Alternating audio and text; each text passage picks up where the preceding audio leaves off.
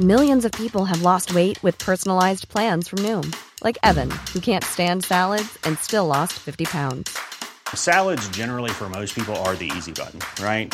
For me, that wasn't an option. I never really was a salad guy. That's just not who I am. But Noom worked for me. Get your personalized plan today at Noom.com.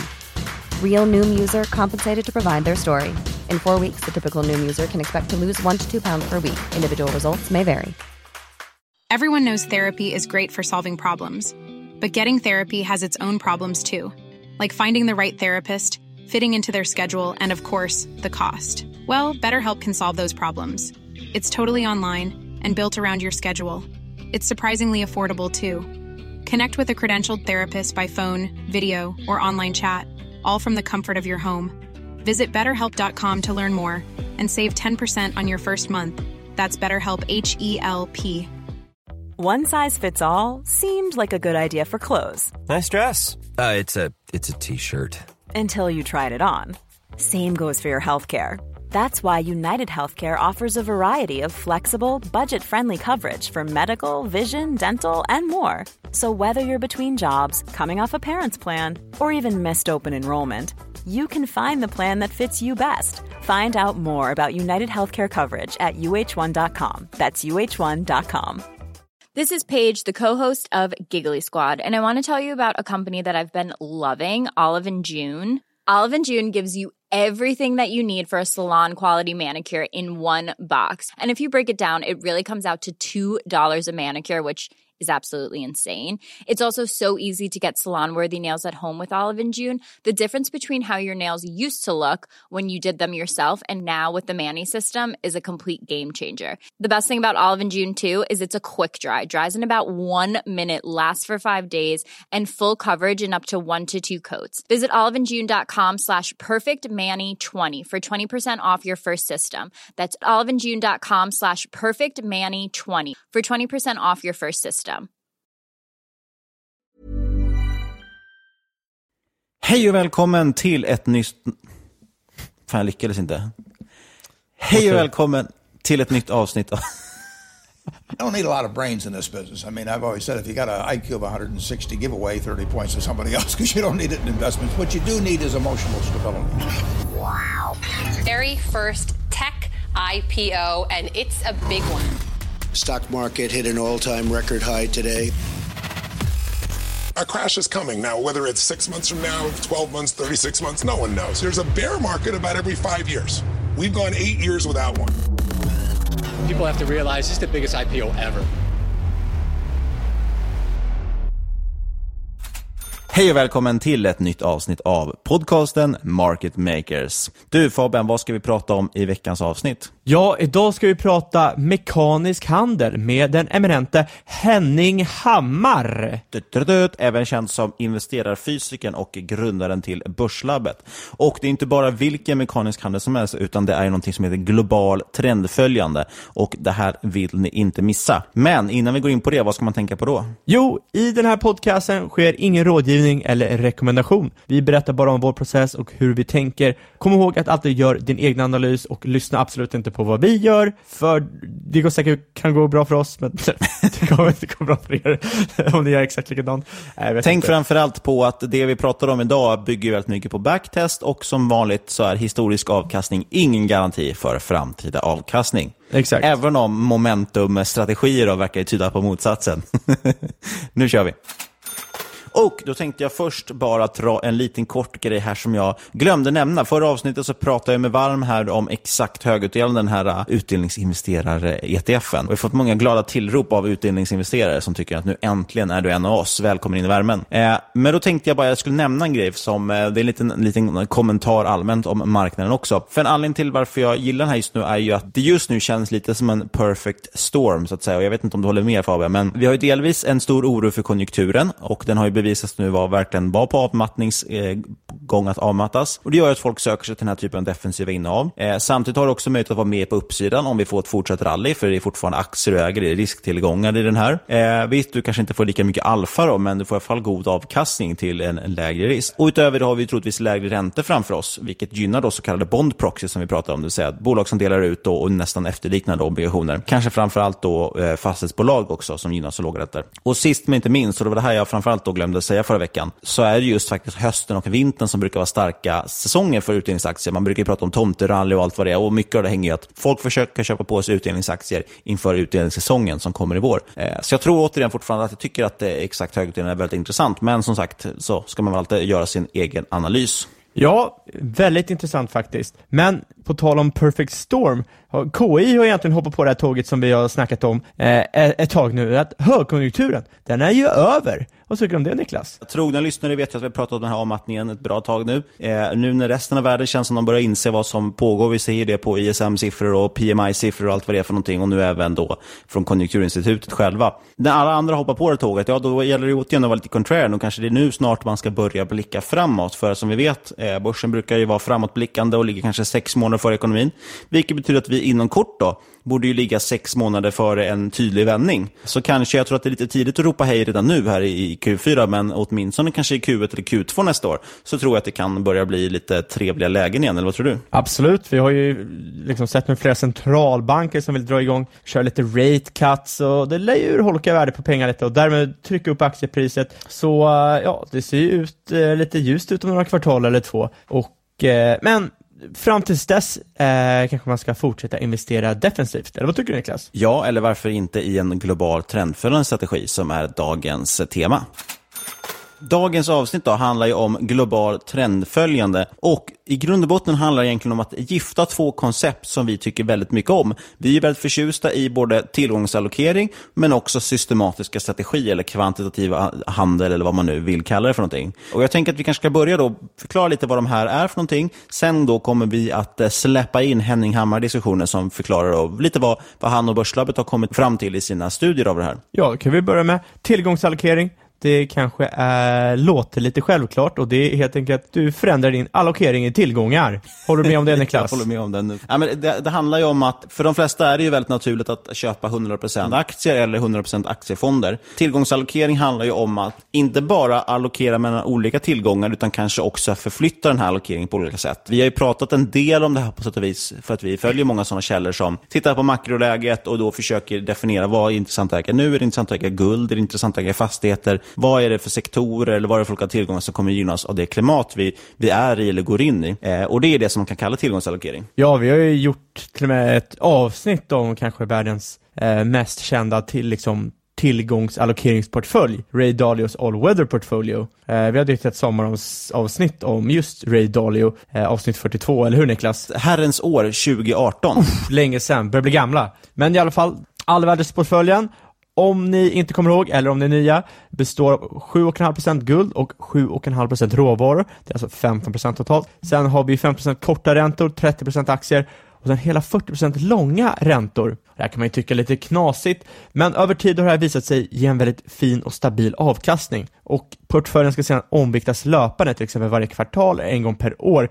Det vill säga, du köper mer av det som sjunkit i värde och säljer av det som stigit i värde, så för fördelningen blir det samma igen. Och tanken är att du Eh, olika delar av portföljen lämpar sig i olika typer av klimat, eh, antingen inflation eller deflation samt ekonomisk tillväxt eller stagnation. Ja, och det finns ju två grejer man kan, eh, som tycker man kan vara värd att kommentera på allvärdesportföljen. Det ena är ju det här varför den har så lite aktier. Det är många som brukar ifrågasätta. Det ska ju vara bäst att ha aktier. Det handlar helt enkelt om att aktier har högre volatilitet än de andra tillgångarna. Och eh, den här portföljen försöker det vara en allvädersportfölj, det vill säga den ska gå tryggt och säkert i princip i alla tider. Och då vill man minimera volla. Eh, det andra man man kan ifrågasätta sig det är varför det är så extremt mycket räntor. Det är inte bara att det är den största posten ligger i räntor, utan lägger du till de korta räntorna så har du väldigt, väldigt mycket räntor. Och återigen, det handlar om att sänka vållan, sänka risken. Och jag antar att man egentligen skulle kunna bygga någon egen variant av det här också. Det finns ju lite olika typer av eh, konfigureringar på det här dessutom. Ja, vi pratade om det för två eller tre avsnitt sedan om hur eh, ska man minska risken i portföljen, då ska man absolut inte ta ut pengar från aktier och låta det ligga i cash. Då ska man ju vikta om så att man äger mer i obligationer eh, jämfört med vad man kanske tidigare haft och på det sättet hantera sin risk snarare än att sitta med pengar på sidlinjen eftersom man väldigt, väldigt snabbt förlorade väldigt, väldigt mycket avkastning.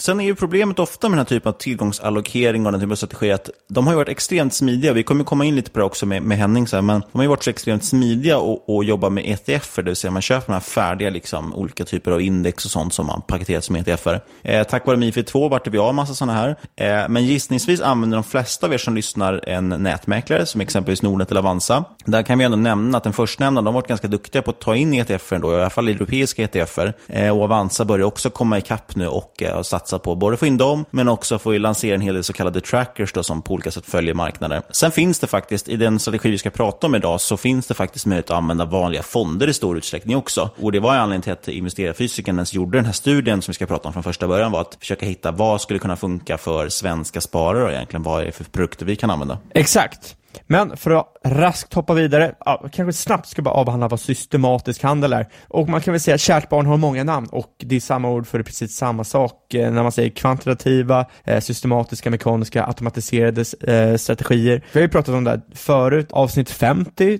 alltså 54 avsnitt sen, ger en väldigt bra grund till ämnet. Men liksom kort och gott är att du tar bort det subjektiva och handlar på det objektiva, helt enkelt du sätter upp regler i förhand. Precis, man använder ju kvantitativ istället för kvalitativ analys egentligen. Och bara för att dra några exempel, en indexfond är faktiskt en typ av systematisk handel där du säger att mina regler är att jag köper alla bolag på Stockholmsbörsen viktade efter deras marknadsandel, eller marknadsvärde egentligen. En annan typ av systematisk handel skulle vara de vi har nämnt förut i samband med Börslabbets studier, är att till exempel, ja, jag tar de 30 med högst direktavkastning, de 30 med lägst P tal Magic Formula återigen, klockrent exempel. Man har två kriterier som avgör vilka aktier du ska ta in i din portfölj. Så det är typiska exempel på systematisk handel. Och även all weather portfolio som Ray Dalio satt ihop är ju också det, för där har satt regler att exakt de här fördelningarna av, av de här tillgångsslagen ska jag äga, oavsett vad jag tror om inflation eller vad jag tror om, om eh, liksom räntor eller aktier och så vidare. Utan det handlar bara om att gå på de här fasta bestämda reglerna. En del andra snickrar ihop egna sådana här saker och bygger en viss typ av screening, som man screenar fram aktier och sen köper man blint. Men ja, jag tycker att det är intressant. Vi pratat, kommit tillbaka till det här många gånger i podden, både med avsnittet med investerarfysiken, eh, men också vårt då som heter, jag tror den heter Intro till kvanthandel, avsnitt 50. Så, då kan man fråga sig, hur hänger detta ihop? Eh, jo, det finns ju kvantitativa strategier som baseras på just tillgångsallokering. En känd sån är till exempel Meb Fabers GTAA. Niklas, har du lust att ge en liten rundown där? Global Tactical Asset Allocation. Den kommer faktiskt Henning få förklara för oss istället. Så, men vi kan ju nämna att eh, vi tog ju upp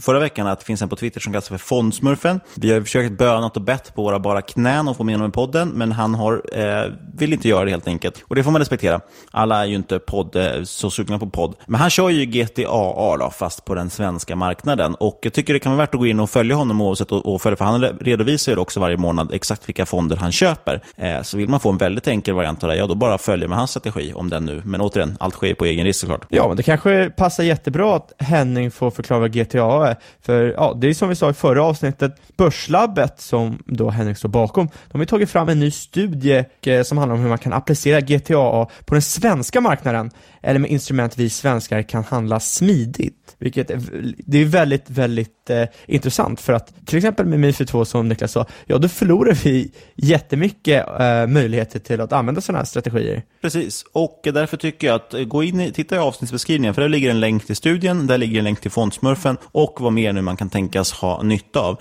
Men med det sagt så tycker jag att vi hoppar rakt in i den här då, intervjudelen. Vi säger välkommen till Henning för andra gången i Market Makers historia. Mannen bakom Börslabbet, nämligen investerarfysikern. Eh, hur är läget med dig Henning? Ja, det är bara bra. Ja. Själv då? Jo, det är bra tack.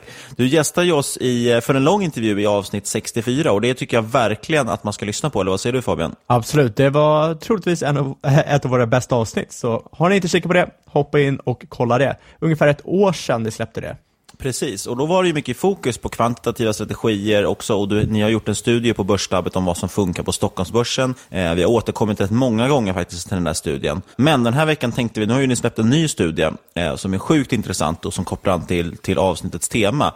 Och det är ju liksom fokus på global trendföljande. Så om vi börjar från ruta ett, så att säga. Vad är global trendföljande ens? Ja, eh, så global trendföljning är egentligen att man följer trenderna på världens marknader och det handlar ju om att man ska följa dem i olika tillgångar så att det inkluderar både aktier, obligationer, råvaror och så vidare.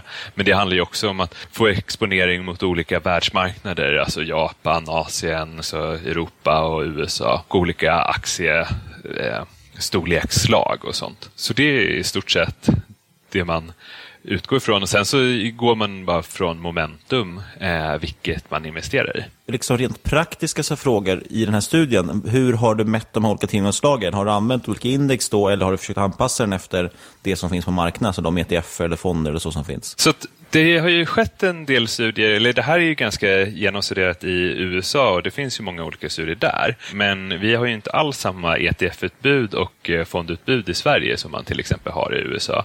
Till exempel i USA så har du tillgång till många eh, olika obligationsfonder och i Sverige så finns det knappt ens det. Men det det som, eh, så jag har anpassat det efter det som finns på svenska marknaden och eh, sen så utgått också från ja, men MSI-index och sånt som finns för stora marknader som har lång historik. Och om vi börjar då med egentligen trendföljning, eller kan också nämna för sig, den här studien går ju att läsa, vi kommer lägga en länk till det i avsnittsbeskrivningen om man vill kika närmare på det själv också. Eh, men om vi börjar då, vad, vad är liksom trendföljning uppföljning och momentum. Vi har ju gått igenom det lite grann i, i vår podd förut, men, men för de som är nya till det. Eh, så trendföljning det utgår ju från att man eh, egentligen köper det som går upp och undviker det som går ner. Eh, och när man tänker så här ren trendföljning då kanske man tänker 200 dagars glidande medelvärde eller 10 månaders glidande medelvärde beroende på vad man vill använda. Ehm, den här, ehm, det här med global trendföljning eller den strategin som eh, finns på Börslabbet den utgår ju inte riktigt från glidande medelvärde utan den utgår från ren momentum. Och eh, momentum kan man ju också säga i trendföljning. Till exempel 12 månaders avkastning, om den är positiv eller negativ, brukar ges en, en trendföljande signal. Eh, här är det ju, man investerar ju i den som har högst eh, 12 månaders momentum eller flera olika perioder man kollar på. För att oftast ger flera olika perioder bättre avkastning än att bara gå från 12 månader. Så man utgår från 3, 6 och 12 månader och ett snitt av dessa. Eh, och så tar man och investerar i de som har högst momentum Eh, och då är det prisuppgång helt enkelt. Så man kollar prisuppgången 3, 6 och 12 månader, tar ett snitt av det och eh, de som, eh, tillgångar som har högst momentum, de investerar man i. Och så undviker man de som går ner. Och tanken bakom det är ju att det tar lång tid eh, börsen att justera sig efter eh, olika ekonomiska eh, ja, men konjunkturen och så här hur eh, konjunkturcykeln går. Och om företagen börjar gå dåligt, det är inte plötsligt att på en dag så har vi en börskrasch och fem, eh, börsen faller på 50 procent, förutom i Argentina. Men eh, i övrigt så eh, ja, brukar det ta eh, ett år eller så innan vi har sett en dipp på 50 procent. Och det är det som är tanken här. Hur ofta brukar man handla runt i portföljerna och stuva om? Så det man utgår från är att göra det en gång per månad och det finns ganska bra studier på det. Så om man gör det, man kan göra varje dag, man kan göra varje vecka, men då kostar det ju alldeles för mycket. Det är ju alldeles för mycket in och ut och en gång per månad är ganska lagom. Eh, gör man det en gång per kvartal, det har jag också testat, eh, då, då försvinner effekten. Man har väl en viss effekt kvar, men man tappar mycket avkastning och man är inte alls lika snabb. Men, eh, och vissa tycker ju en gång per vecka är det man ska ha, men då, då är det ju alldeles för mycket in och ut och det kan byta ganska ofta. Eh, så att det händer inte så mycket på en månad ändå. Nej, och det är lite svårt med just om det är fonder också, för de kan ju vara jädrigt sega. Det kan ju ta några dagar innan du gjort ett byte. Mm. Eh, så just då att ha veckobasis, ja då är det antagligen några dagar du i princip ligger utanför marknaden också, tänker jag. Ja, Eh, och Det är det som är med månadsbasis är ganska bra. Och Jag räknar faktiskt på det tidigare. Jag fick en fråga från en av Börslabbets användare om eh, ja, men hur mycket ligger man ute om man använder till exempel fonder och man har någon likvida och sånt. Och oftast, nu så har de ju anpassat gjort det ganska bra. Man kanske ligger utanför marknaden en, två dagar vid ett byte med en fond. Eh, och eh, i snitt så byter man varje innehav 2,2 gånger per år i en sån här strategi. Så att om man säger en, eh, två dagar vid varje byte så blir det ungefär fyra, fem dagar. Eh, fyra, fem dagar av 250 dagar är 1-2 procent av eh, ett helår som man ligger utanför. Så man ligger ju inte utanför så mycket när man bara gör det en gång annan. Men skulle du göra det varje vecka, då skulle du ligga ute klart mer. Alltså just momentum och, och, och folks pris är ju sjukt intressant ändå. Att det är, man skulle ju lite skämtsamt kunna säga att det också är en, ett, ett, sätt att investera i flocken. För det är ju verkligen så här, jaga det som stiger mest. Och återigen så för det tillbaka den här diskussionen om hur rationell är marknaden. För det har ju bevisat sig gång på gång att det här faktiskt funkar. Och man ser det ju också i väldigt många aktier att det bara fortsätter upp, upp, upp. Och samma sak åt andra hållet också. Ja, jag tycker det är ganska kul med det här momentum. Eh, för att det är ju ganska många som, ja, nej, men just att man följer flocken och man eh, följer upp. Men typ en av de kom på eller hittade det här med momentum är ju eh, UGM Pharma. Och UGM Pharma vägrar att lägga in det som en ordinarie faktor. Eh, och det här var ganska nyligen för att han sa typ att ja, men det finns ingen ordentlig fundament till att momentum, alltså prisuppgång, ska funka. Varför ska det gå att bara köpa på ett prisuppgång? Jag tror han är väldigt eh, kritisk mot teknisk analys också. han menar att det finns inget eh, ja, ingenting för förklarande faktor i priset. Men trots allt så finns det där och eh, jag menar folk använder teknisk analys. Eh, nu är inte momentum riktigt teknisk analys men eh, det, det, är ju på ett sätt det också. Jag tror att det ligger väldigt mycket i det som, som du skriver också i, i den här texten är att det nog bygger väldigt mycket på att vi har bakåtblickande förväntningar. Det vill säga om vi tittar på någonting som gått upp väldigt mycket, oavsett hur rationell man är som person, så kommer man ändå lite inbilla sig att ja, men den ska nog fortsätta, för den har ju redan gått så mycket. Alltså det där verkar ju vara någonting bra i princip det man sammanfattar som. Eh, plus, och det ser vi ju på alla typer av prognoser, att vi gör ju väldigt liksom, eh, ja men vi gör ju väldigt linjära prognoser. Vi tror bara att det som, fort, det som har varit igår, det kommer fortsätta imorgon, heter den. Det är ju det som lite ligger bakom, eh, eller mycket att man överdriver olika cyklerna och sånt. Och egentligen, eh, det som är fint med momentum, det är att man hänger med på alla bubblor. Eh, och eh, man slipper komma ur bubblorna. Till exempel en momentumstrategi på Stockholmsbörsen eh, bara i aktier. Då var ju man med i Fingerprint-bubblan. På samma sätt som i global trendföljning, ja men då var man med på IT-bubblan men man hoppar ju ur och kanske investerar i annat på vägen ner. och det, det som är viktigt är ju så här, man prickar ju inte toppen topparna. Man prickar ju lite efter topparna. Så att, eh, jag går igenom det i studien att man går eh, efter IT-bubblan går man nu någonstans runt, här, eh, att i slutet av 00 2000 eh, alltså, eh, maj eh, 2000, eller ja, mitten, Eh, då går man ur. Och samma är så här, i slutet av 2007 går man ur. Eh, så att eh, det är ju inte, det är ett halvår efter det börjar falla och eh, det är ett tag efter. Sen så lyckas man ju bra med tajmingen där, men sen kan man ju ha dålig tajming och så kan man tro att ja, men börsen faller som vid förra årsskiftet. Så eh, momentum gick ju ur marknaden och sen så vände det ju upp. Eh, mm. Men då, då gick man ju ganska okej okay tid, november, december men ja, det, det kan ju alltid eh, fungera åt andra hållet. Kollar du bara på momentum här eller kollar du på några andra liksom, eh, parametrar också? Ja, nej, det är bara momentum. Eh, bara prisuppgång. Och det funkar lite bättre också när det hamn, kommer till världsmarknader för att där finns ju så mycket annat som påverkar. Jag menar när det kommer till aktier så kan man ju tänka sig att ja, men det kanske handlas bort eh, och sånt. Men när det kommer till världsmarknader så handlar det om eh, ja, men så här, hur handlar eh, USA med Europa? Hur bra går eh, den amerikanska ekonomin mot den europeiska? Och det är jätteflöden. Det här handlar ju om marknader med eh, triljarder i marknadsvärde. Så att det är mycket svårare att handla bort det. Sen kommer det ju självklart kanske, det finns ju perioder där vi har haft låg volatilitet och sånt som nu de senaste eh, åren där det ja, eh, inte händer så mycket. Och eh, då går det ju sämre för en sån här strategi. För att det går ut på att det ska vara lite större svängningar och sånt.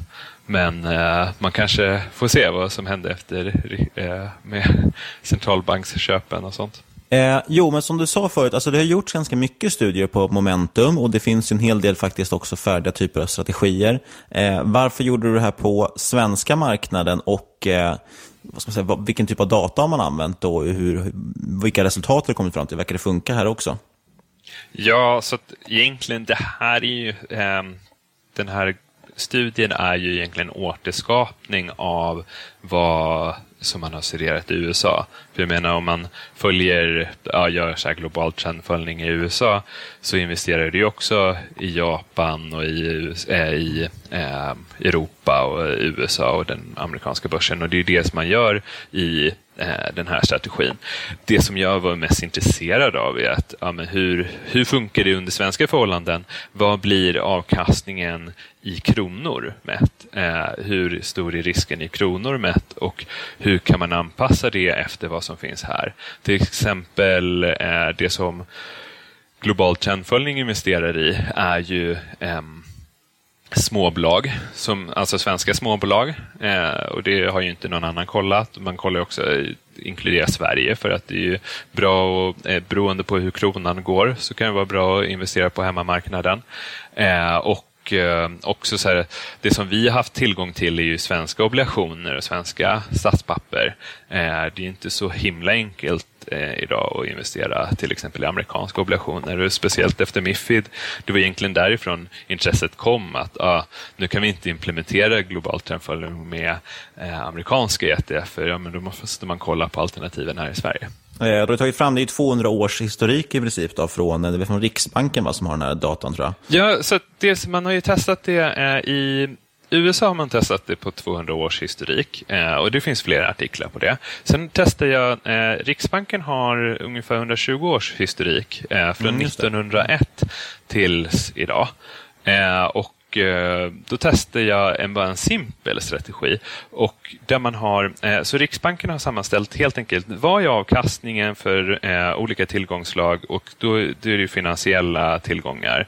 Eh, så det är aktier, Stockholmsbörsen, svenska obligationer, tioåriga obligationer och eh, eh vad heter det, statsskuldväxlar, alltså 30 dagars eh, räntan, så den korta räntan. Och eh, det testa var bara men för en kul grej. Ja, men vad händer om vi skulle investera i den tillgång av dessa tre som är, eh, rankas högst efter eh, momentum? Och Det visar sig att ja, men det ger 3% bättre avkastning per år.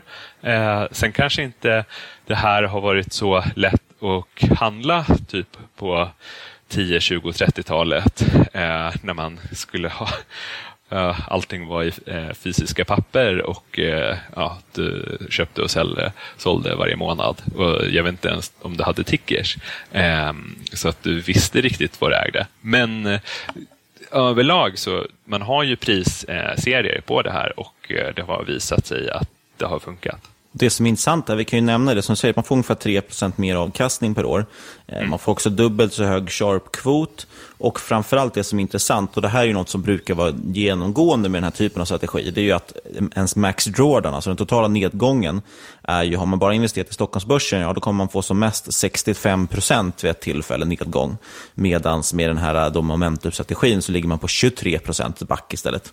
Så det är ju extremt stor skillnad i drawdown. Så man ser det ganska tydligt också på kurvor ofta när man jämför börsen med eh, trendföljande strategier är att de kanske inte går upp lika mycket alltid i uppgångarna, utan då ligger de ju liksom på samma nivå ungefär. Men så fort det blir en, en drawdown på börsen så kliver ju de här strategierna ur, vilket gör att du hela tiden missar de här värsta nedgångarna, liksom, åker inte med hela vägen ner till botten. Så det är faktiskt det är otroligt intressant tycker jag. Ja, och jag tycker också det som är intressant är ju till exempel efter eh, finanskrisen, för då gick ungefär strategin ner med 15 procent, det här global trendföljning.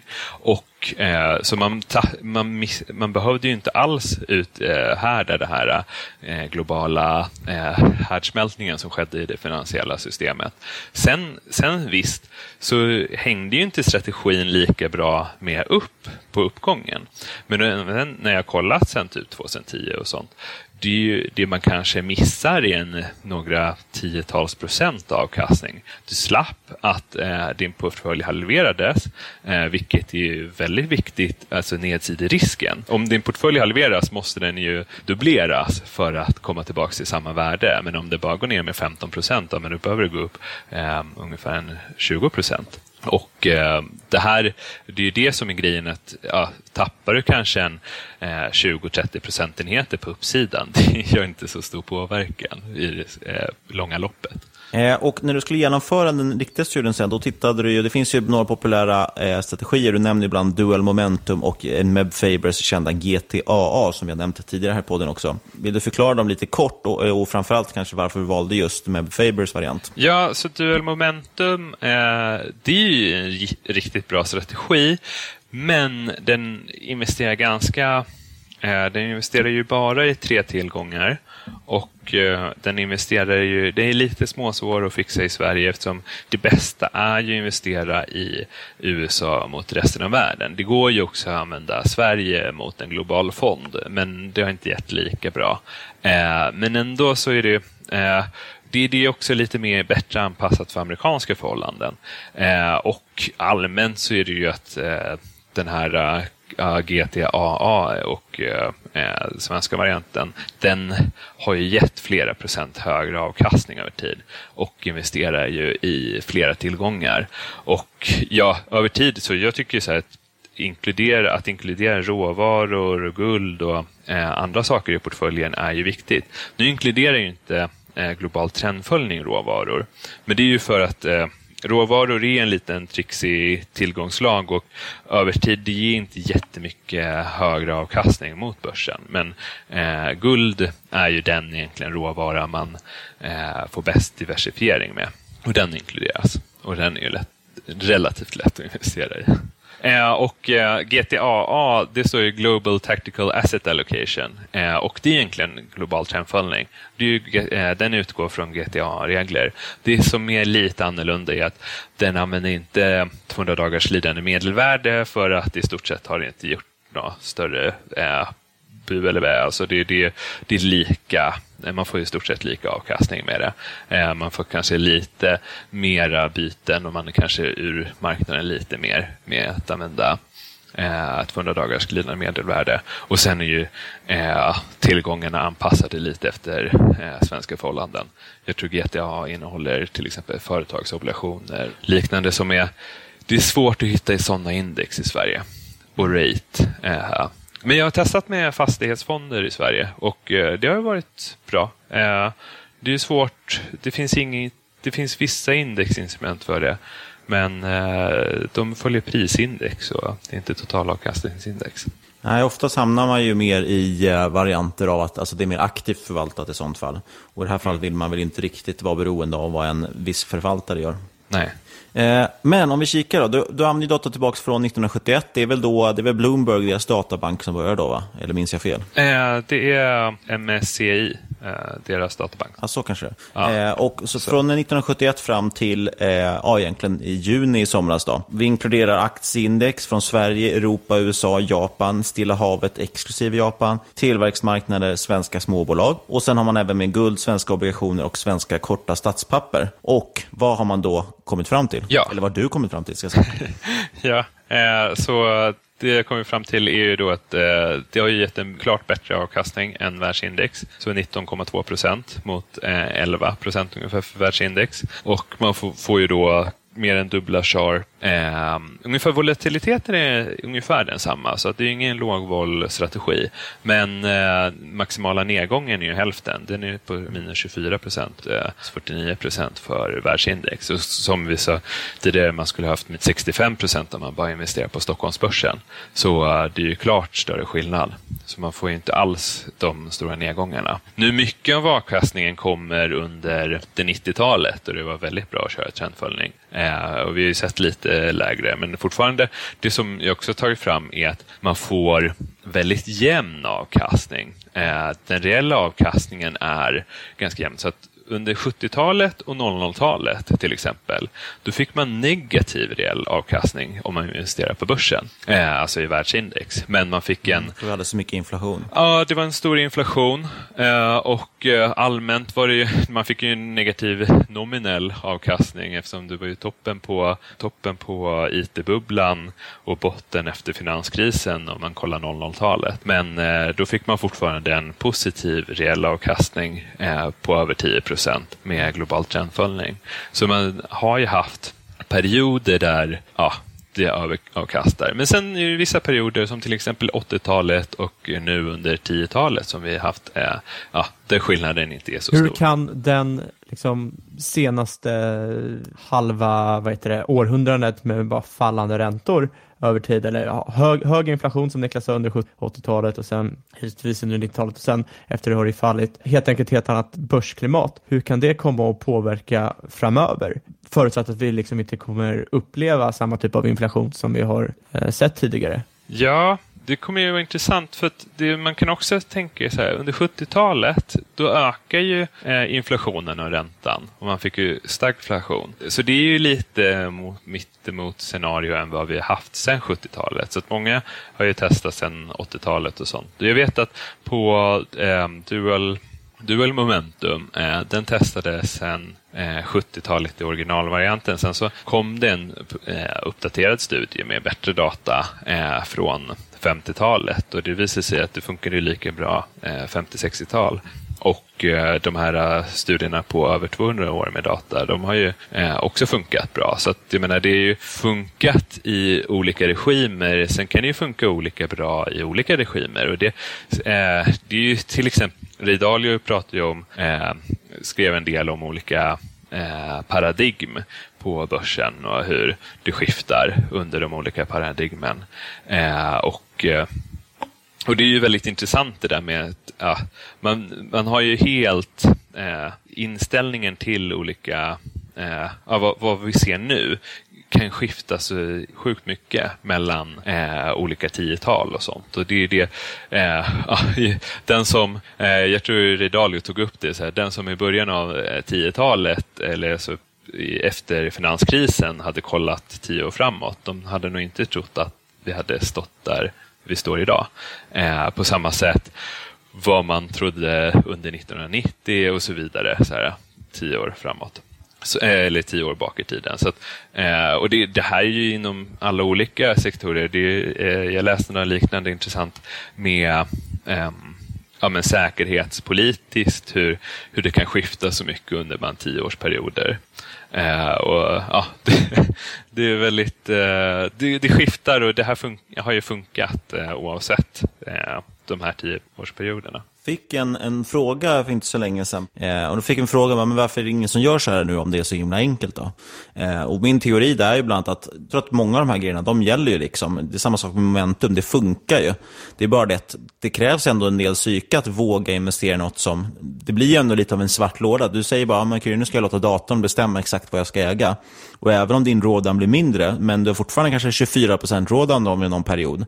Det kommer ju inte kännas jättebra i magen. Jag kan tänka mig att det, då är det många som säljer precis där på botten. Men det är verkligen en otroligt intressant strategi för sagt. Man kan ju tänka sig att den bara ska sänka risken, men det blir så intressant att du faktiskt får högre avkastning och sänker risken. Det, känns, det är ju liksom det bästa av två världar.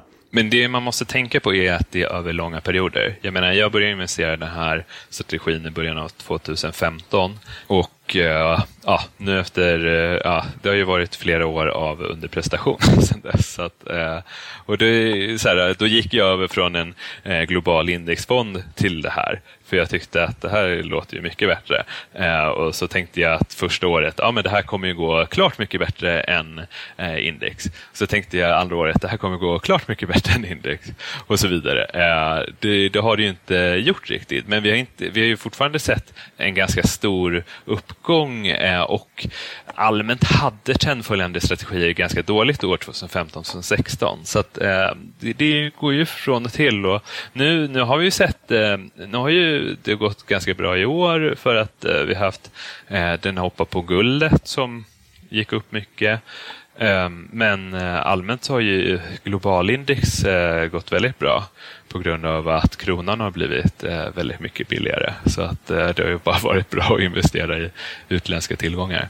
Men det där menar också, det är ju svårt och, och när man då håller på att underprestera, då kommer man ju börja ifrågasätta sig själv, fast det är, fast det är inte man själv som har byggt strategin då egentligen. Eh, och det är samma med Magic Formula, har ju också haft en väldigt svag period och varit väldigt tråkig för många. Ja, nej, men det är ju tråkigt att underprestera och det är ju tråkigt. Det är samma, eh, jag lyssnade på ett av era tidigare avsnitt där ni pratade om ja, men det här med lågvolla strategier och sånt. Och, eh, det, man, man, märker ju att det är ju Eh, det, det, det här med att investera i mer defensiva aktier, vissa av de här, här värdeaktierna, eh, de kan ha eh, svackor enskilda år. Och eh, det här med att just, jag, jag håller med er så mycket i den här grejen med att det bästa man som småsparare kan va, ha eh, och tänka är ju att man behöver inte tänka på att jag ska följa ett index, utan jag ska få bra avkastning och jag kan ha, acceptera en högre volatilitet. Nu med global trendföljning så, ja, det är ju en annan grej, men jag menar med eh, till exempel utdelningsaktier och värdeaktier och sånt. Där är det högre volatilitet. Det kommer vara perioder det går dåligt och det är anledningen till att eh, personer som eh, ja, men Joel Greenblatt och sånt har lyckats väldigt bra, det är att de har accepterat en väldigt hög volatilitet. De nästan, Joel Greenblatt skickar ju hem pengarna till sina investerare för han pallar ju inte. Och om man kollar på eh, The Big Short så är det ju typ samma sak som han eh, eh, gör där. Eh, nu kommer jag inte ihåg hans namn. Michael Burry var det va? Ja, Michael Burry, ja. Självklart. Och han var ju upptäckt av eh, Joel Greenblatt. Eh, Joel Greenblatt, eh, det är känt att han tog ju kontakta eh, Michael Burry när han höll på med det där. Och bara, vad, vad gör du?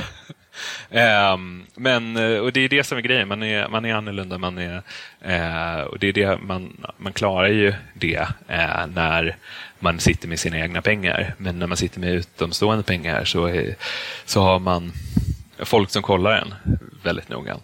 Och det är det som, ja. Ja, man drar sig till minnes, då, det finns ju något klassiskt citat med Buffett ju, om att, eh, ja, på svenska blir det typ aktie, aktiemarknaden är ju en maskin som för pengar från de otåliga till de tålmodiga. Ja. Eh, det ligger ju någonting i det. Men det är därför jag tycker det är så intressant. Jag tycker att det är kul också att vi belyser olika typer av strategi i podden just för att eh, för en del så funkar det som du nämner, att ja, men vissa klarar av extrem volla, eh, medan vissa känner att de inte vill ha det. Eh, och då typ, är till exempel global trend för en sån intressant strategi och det finns ju en mängd andra varianter. Vi har tagit upp all weather portfolio och lite sådana saker också, om man vill ha ännu mindre risk då egentligen. Ja, framförallt kanske det inte bara är bra för de flesta att diversifiera sig i tillgångsslag, som de flesta tänker, eller ja, de flesta kör väl bara 100% aktier, men för de som faktiskt diversifiera tillgångsslag kan man ju tänka ytterligare en dimension och faktiskt eh, diversifiera sig i sin form av eh, eh, strategi också. Att ha stockpicking och du, sen handlar det liksom mekaniskt och investera i olika typer av fonder. Och Jag tror att det är klokt och jag tycker att det framförallt är ett bra, en bra kontrast till det vanligaste och det är att folk bara säger att du ska bara köpa indexfonder och sen så ska du liksom vara glad över Absolut. det. Jo, och det är det som jag också visar, eller det som är eh, jag försöker lyfta fram i studien med global trendföljning är att den är jättebra att diversifiera ett vanligt aktiesparande med. Eh, jag gjorde tester på det med Börslabbets eh, aktiestrategier och där var en 50-50 fördelning gav ju väldigt bra sharp-kvot och sånt. Sen så beror det på vilken avkastning man vill ha och själv kör jag lite så här Eh, två tredjedelar Börslabbets strategi, en tredjedel global trendföljning. För att få med ner risken lite och diversifiera mellan mera tillgångslag och sånt. Och jag har ju personligen gjort, så jag har ju i, både i tjänstepension och även ett annat sparande har jag ju just fonder. Där har jag valt också att titta på den här typen av strategi. Eh, just för att jag tycker att det är, det är ändå smidigare just av vissa sparformer att ha fonder. Eh, och då är det ett smidigt sätt att splitta upp de portföljerna dessutom på ett bra sätt. Ja, nej, men bara det här med att tänka med att man ska inkludera fler tillgångsslag är ju väldigt vettigt. Och jag tror just de som inte håller på med aktier, eller så, personer man träffar i vardagen, som, eh, ja, de brukar ju vara så här, jaha, det här med aktier, ja, men det är ju bara ett spel på börsen och det är ju bara lotteri och sånt. Och då kan man ju säga så här, först, ja, men ni kan investera i indexfond. Ja, men då säger de, ja, men kolla efter IT-bubblan, då gick ju börsen ner med 65 procent etc. Eller de bara känner till de här börskrascherna och att det, det har skett. Eh, och där är ju så här att ja, ta, investera lite brett, investera, inkludera flera saker. Ta, investera just den här all weather portfolio eller någon sån här golden butterfly eller permanenta portföljen och sådana saker. Permanenta portföljen är till exempel en jättebra eh, portfölj som har gett jättelåg risk. Eh, men där investerar man ju en fjärdedel i aktier, en fjärdedel i eh, långa räntor, en fjärdedel i korta räntor och en fjärdedel i guld. Eh, nu är det ju många som är väldigt tveksamma till guld, men, eh, men i alla fall, den, en sån portfölj har ju funkat jättebra. Jag håller helt med. Problemet som jag tror med sådana typer av människor är ju framförallt att de inte riktigt eh, förstår risken bakom. De, har, de flesta lär sig upp med det här tristtänket eh, investerar 25 kronor och med största sannolikhet förlorar allting. Och det är många som håller kvar det innan de börjar investera på börsen också. Att eh, man inte förstår den här ränta på ränta och 10% avkastning över år ger mycket pengar. Du kommer inte förlora alla pengar om du investerar sunt. Eh, och att, Men du kommer heller inte bli miljonär över natt, om du inte var miljardär innan. nej, exakt. Det är, det är den här binära optionstänket som folk har. Som, eh, Jo, det, är det är lite synd. Det, jag har försökt säga det så här. Tänk dig, ifall du sätter in 10 000 på börsen, tänk dig att det ger dig 500 kronor om året framöver. Och så Det kommer ge dig ungefär 500 kronor om året framöver inflationsjusterat i form av utdelningar och annat. Och jag menar, det är ju, bara tänka en sån grej, att, ja, men det är ju eh, framtida inkomster. Och det här har ju funkat genom alla tider. Och något jag tror också som gör att många är, blir rädda, det är ju för att det är mycket FOMO. Att man, man går oftast in kanske lite för sent, för att när börsintresset börjar stiga bland folk, det är ju ofta när börsen börjar närma sig all time highs. Och då tycker folk, okej, men man kanske ska satsa lite på det här med börsen. Och så lägger de inte pengar och sen bränner de sig, antingen för att de köpte något skit eller för att de köpte allting på toppen. Och då kliver man av igen. Och sen så dröjer, dröjer det tills ungefär slutet på nästa cykel och då ska man in igen. Liksom. Så det är den här klassiska att man bara går ut och in på fel tillfällen. Ett eh, klockrent sånt exempel, som jag, men jag glömmer alltid bort namnet, men den var ju den bäst presterande fonden under eh, 00-talet. Eh, den hade ju i snitt så hade varje investerare förlorat pengar på den. För att alla köpte och sålde den vid fel tillfällen. Men tog den på hela perioden så var den extremt bra. Jag tänkte vi skulle börja avrunda lite, men jag skulle bara vilja gå igenom jättekort, apropå när vi ändå pratar om diversifiering, så har ju du gjort en, ett test då, för nu väljer man ju de tre bäst presterande tillgångarna baserat på alltså prisuppgång. Då. Eh, men du har ju faktiskt också jämfört det om man bara väljer den översta liksom, istället. Jag tar bara den bästa, den som har gått bäst, eller den, de två översta eller de tre översta. Så det var lite kul att höra vad man fick för resultat då. Ja, eh, det, det som är i stort sett avkastningsmässigt, då är det ju stort sett samma resultat att ta topp 2 och topp 1. Fast faktiskt första gången jag gjorde den här studien så tyckte jag att ja, men topp 2 är bäst, ja, men för det gav mest eh, årlig avkastning. Men eh, om man kollar lite mer riskjusterat, både volatiliteten och nedgången ökar ganska mycket om man är topp 2 och topp 1. Så att, eh, och oftast, det, det som jag tänker mig med en sån här strategi, det är att den kanske ger lite bättre än börsen, det, eh, förhoppningsvis. Men troligtvis kanske inte ger så mycket bättre än börsen. Jag menar om man ska slå börsen mycket, ja men då är det kanske bättre att satsa på investera fullt i aktier och sånt där. Men då får du ju också en hålla och du får en stor nedsida och sånt. Men det som eh, är fördelen är ju att det här ger ju klart eh, mindre nedgångar och man behöver inte... Eh, man kan tänka sig att det här är lite säkrare sparande för att man kommer tillgångarna innan de går ner med 50 procent. Och det är ju det som är också nackdelen är med om man bara investerar i topp en ETF, eller topp 1-fonden eller tillgången för att den har lika stora nedgångar som index. För att eh, det som är med momentum, både momentumaktier men också momentumtillgångar, det är att det kan gå väldigt eh, turbulent eh, under en kort period. Och eftersom det är en månad så kan det ju vända väldigt snabbt, som kanske under en finanskra- eh, finanskris eller liknande.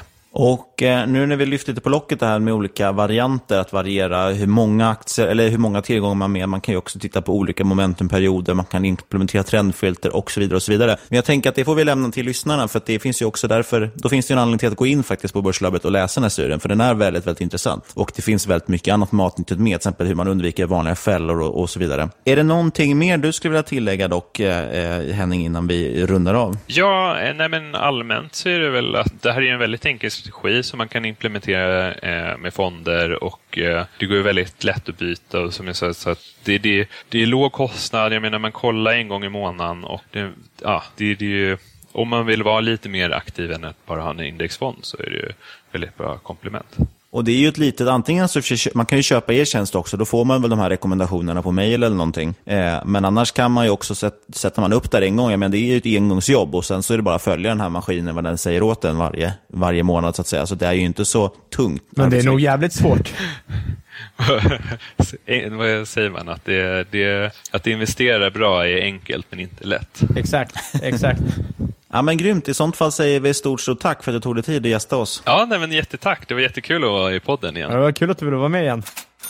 Ja, och då så. Jag tycker att det här var otroligt intressant. Det är ju som sagt ett ämne som, eh, som berör, höll jag på att säga, men som intresserar oss i alla fall. Jag tror, vi har fått väldigt bra respons alltid när vi pratat om kvantitativ handel och systematiska strategier. Så jag tror ändå att folk är intresserade av det här, eller vad säger du? Ja, absolut. Sen är Henning en stjärna också. Han är ju jäkligt bra på det mekaniska, han är bra på att uttrycka sig, han har jäkligt goda kunskaper, så han är alltid jäkligt kul att prata med. Hänger väl ihop med fysiker, att man är väldigt konkret och koncis liksom, i vad man presenterar och inte. Men som vanligt, inget hört när podcasten ska ses som rådgivning. Alla åsikter är våra egna eller vår gäst och eventuella sponsorer tar inget ansvar för det som sägs i podden. Ja, och tänk på alla investeringar förknippade med risk och sker under eget ansvar. Men vill ni dubbla avkastning och minska, halvera risken, så kontakta oss på podcast.marketmakers.se eller på Twitter at marketmakerspod. Och är ni intresserade av, det här är inget sponsrat samarbete på något sätt, men vi tycker att det är schysst att ge tillbaka lite nu när Henning har gett så frikostigt av sin tid. Är ni intresserade av att kika på Börslabbet och, och fundera på det, då kan ni göra så här faktiskt. Förutom att gå in på Börslabbet såklart, så kan man först gå till Börsdata, för då är det nämligen så att är man medlem på Börsdata, vilket jag hoppas att våra lyssnare är, eh, då får man faktiskt eh, rabatt då på Börslabbet. Jag tror att det är 10 då, så att man går in där, går in på sin sid, medlemssida och så finns det en knapp där, begär rabattkod. Får man 10% rabatt på Börslabbet kan man testa den en månad i fall och se vad det är. De har ju förutom det här vi gick in på en massa andra spännande och roliga strategier också man kan följa. Det är en guldgruva helt enkelt för systematiska strategier. Ja, det är faktiskt riktigt häftigt och de två eh, liksom, plattformarna gör sig jäkligt bra tillsammans. Speciellt nu när börsdata faktiskt också presenterar index och, och råvaror och valutor och allt möjligt spännande på sin sida, så kan man faktiskt börja screena på det här på olika spännande sätt. Ja, men då har ju det här avsnittet börjat närma sig sitt slut. Verkligen. Och då kanske vi, då kanske vi ska ta tillfälle i akt och tacka dig kära lyssnare för att du lyssnat än en gång på oss två. Precis. Och eh, glöm inte att förhoppningsvis hörs igen om en vecka. Ja, det hoppas jag verkligen. om inte jag försover mig till inspelningen. Som vanligt. ha det bra. Puss och kram. Skumman av.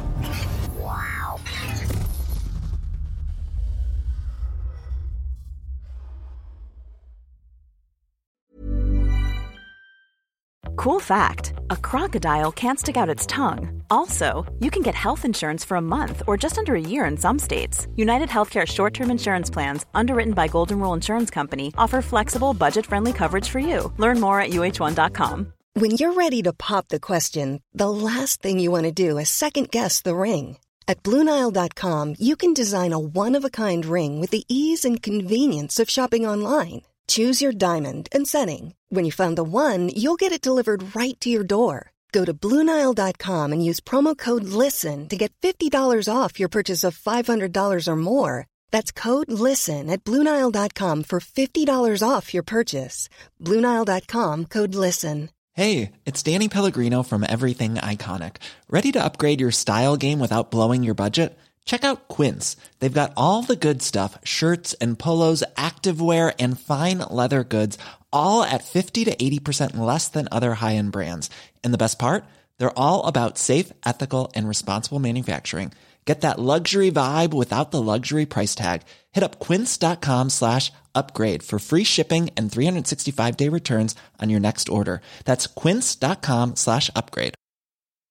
Here's a cool fact a crocodile can't stick out its tongue. Another cool fact you can get short term health insurance for a month or just under a year in some states. United Healthcare short term insurance plans are designed for people who are between jobs, coming off their parents' plan, or turning a side hustle into a full time gig. Underwritten by Golden Rule Insurance Company, they offer flexible, budget friendly coverage with access to a nationwide network of doctors and hospitals. Get more cool facts about United Healthcare short term plans at uh1.com. I'm Sandra, and I'm just the professional your small business was looking for. But you didn't hire me because you didn't use LinkedIn jobs. LinkedIn has professionals you can't find anywhere else, including those who aren't actively looking for a new job but might be open to the perfect role, like me. In a given month, over 70% of LinkedIn users don't visit other leading job sites. So if you're not looking on LinkedIn, you'll miss out on great candidates like Sandra. Start hiring professionals like a professional. Post your free job on linkedin.com/people today. Mom deserves the best, and there's no better place to shop for Mother's Day than Whole Foods Market. They're your destination for unbeatable savings, from premium gifts to show-stopping flowers and irresistible desserts. Start by saving 33% with Prime on all body care and candles. Then get a 15-stem bunch of tulips for just $9.99 each with Prime. Round out Mom's menu with festive rosé, irresistible berry chantilly cake, and more special treats. Come celebrate Mother's Day at Whole Foods Market. Hey, it's Danny Pellegrino from Everything Iconic. Ready to upgrade your style game without blowing your budget? Check out Quince. They've got all the good stuff shirts and polos, activewear, and fine leather goods, all at 50 to 80% less than other high end brands. And the best part? They're all about safe, ethical, and responsible manufacturing. Get that luxury vibe without the luxury price tag. Hit up quince.com slash upgrade for free shipping and 365 day returns on your next order. That's quince.com slash upgrade. Mom deserves the best, and there's no better place to shop for Mother's Day than Whole Foods Market. They're your destination for unbeatable savings, from premium gifts to show-stopping flowers and irresistible desserts. Start by saving 33% with Prime on all body care and candles. Then get a 15-stem bunch of tulips for just $9.99 each with Prime. Round out Mom's menu with festive rosé, irresistible berry chantilly cake, and more special treats. Come celebrate Mother's Day at Whole Foods Market.